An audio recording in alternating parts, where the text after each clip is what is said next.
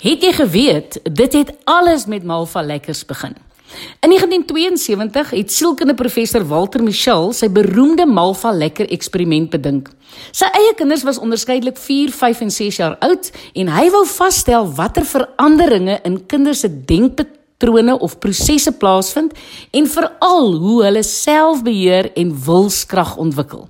Nou nadat hy 'n behoorlike vertrouensverhouding met 'n groep 4-jariges opgebou het, sodat hulle geweet het dat hy wel sy beloftes nakom, het hy vir elkeen 'n malva lekker gegee. Hulle is toe alleen gelaat vir 15 tot 20 minute en die keuse gegee om die lekker of dadelik te eet of te wag tot hy terugkom en dan 'n tweede een te ontvang. Nou die uitslag is oorbekend. Net een uit 3 van die kinders kon uithou en vir die groter beloning wag. Nou hierdie kinders se loopbane is gevolg en dit was duidelik dat die uithouers later meer suksesvol was op alle terreine van die lewe. Hierdie eksperiment was natuurlik baanbrekerswerk en het bewys dat mense wat die wilskrag het om korttermyn vergoeding te verruil vir uithou, aanhou en toekomsgerigte doelwitte, uiteindelik meer sukses behaal en gelukkiger vervulde lewens lei. Maar dit het ook oorlewingsbetekenis vir hulle. Kinders wat midde in armoede en stressituasies groot word, gebruik hierdie vaardigheid om te oorleef en toekomsgerig te leef. Nou kan 'n mens dit aanleer. Die groot vraag was of mense met selfbeheersing gebore word en of die gelukkiges dit by hulle voorsate geërf het. Michelle se ontdekking was dat hoewel gene en lewensomstandighede wel 'n rol speel, is wilskrag beslis iets wat aangeleer en so spiere geoefen kan word. Sekere mense, klein en groot, leer vinniger as ander en daar is die wat van kleins af meer selfbeheersing het. Die navorsers het baie by die kinders geleer, veral by die wat dit kon regkry om uit te hou. sien al die kinders het die lekker opgetel, daaraan geruik en sommige het selfs daaraan gelek. Een kind het selfs die binnekant opgeëet en gedink dat sy die groot mense sou flous, so ou rakkertjie. Onbewus van die kameras in die vertrek. Selfs die optrede het baie gesê van hoe die kind as volwassene sou uitdraai. Maar die uithouers het een reaksie in gemeen gehad. Hulle het opgestaan en hulle self afgelei deur ander dinge te doen. Hulle het instinktief geweet dat minder blootstelling aan die versoeking dit vir hulle makliker sou maak om vir die tweede lekker te wag.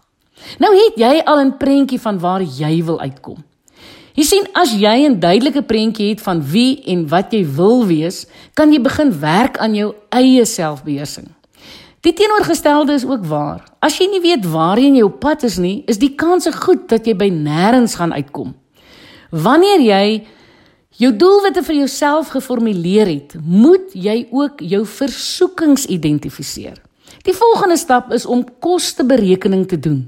Spel duidelik vir jou uit wat dit jou gaan kos aan energie, geld, moeite en wilskrag om jou doel te behaal. Jy moet visualiseer Wat sal gebeur as jy niks doen nie en voortgaan soos nou en bereken ook die koste hiervan? Formuleer vervolgens al jou versoekings en uitdagings. Watter dinge vir jou maklik, moeilik en baie moeilik gaan wees om te doen en en op te hou doen. Visualiseer telkens die gevoelens wat met elke stap gepaard gaan. Visualiseer en formuleer nou jou belonings Indien moontlik, besluit of jy jouself met 'n pasella gaan beloon. En dan, jong, dan moet jy aksie neem. Hoe eet 'n mens 'n olifant?